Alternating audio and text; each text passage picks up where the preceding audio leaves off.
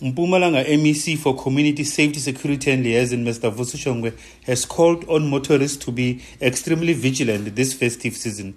This follows an incident where six people were killed on R37 road between Sabie and Lydenburg. This happened when the when the bus that they were traveling in seemingly lost control and overturned on the side of the road. Uh, the, the, initially, it was reported that there were two fatalities.